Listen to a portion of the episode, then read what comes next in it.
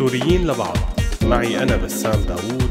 لنحكي عن مبادرات أنفية السوريين للسوريين. مرحبا. يوم بعد يوم عم تظهر أكثر الآثار السلبية للحرب على السوريين. بكل شي حملته إلهم من إصابات وتهجير قسري لجوء فقر بطالة تردي الأوضاع العامة. الحرب ما وقف أثرها على حدود الجسد وبس لا. وصل للأسف لأعماق النفس وسبب فيها أمراض نفسية بتهدد حياة كتير من السوريين مثل ما أدى لازدياد عدد متعاطي المواد والحبوب المخدرة.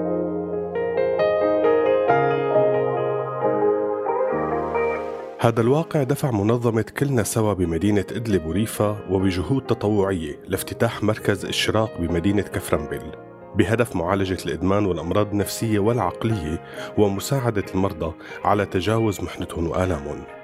المركز بينقسم لعيادة نفسية خارجية بشخص فيها الطبيب المختص الحالي وبيقدم العلاج الدوائي أو العلاج النفسي السلوكي للحالات العادية.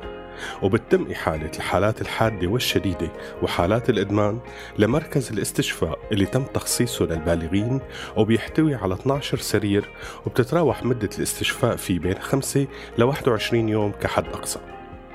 بالإضافة لهذا الشيء بيعمل فريق التوعية التابع للمركز ندوات توعوية لأهالي المرضى لتعريفهم بكيفية التعامل مع أولادهم وتقديم الدعم اللازم لهم ليتمكنوا من احتضان مريضهم وخاصة بعد فترة الاستشفاء.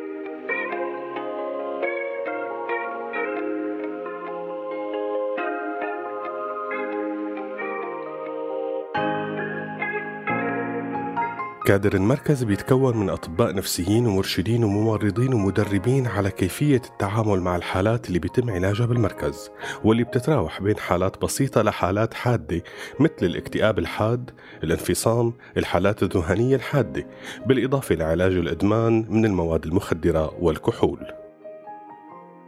من خلال هالخدمات اللي بيقدمها المركز وصل عدد مستفيدين لحوالي 180 حالة نفسية وتسع مدمنين.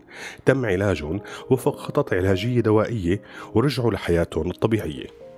وهيك من خلال تصدي مركز إشراق لحاجة السوريين وقيام القائمين عليهم بواجبهم الإنساني تجاه أهلهم السوريين بنقدر نقول إنه نموذج حقيقي للسوريين لبعض. سلام. سوريين لبعض. معي أنا بسام داوود لنحكي عن مبادرات أنفية السوريين للسوريين.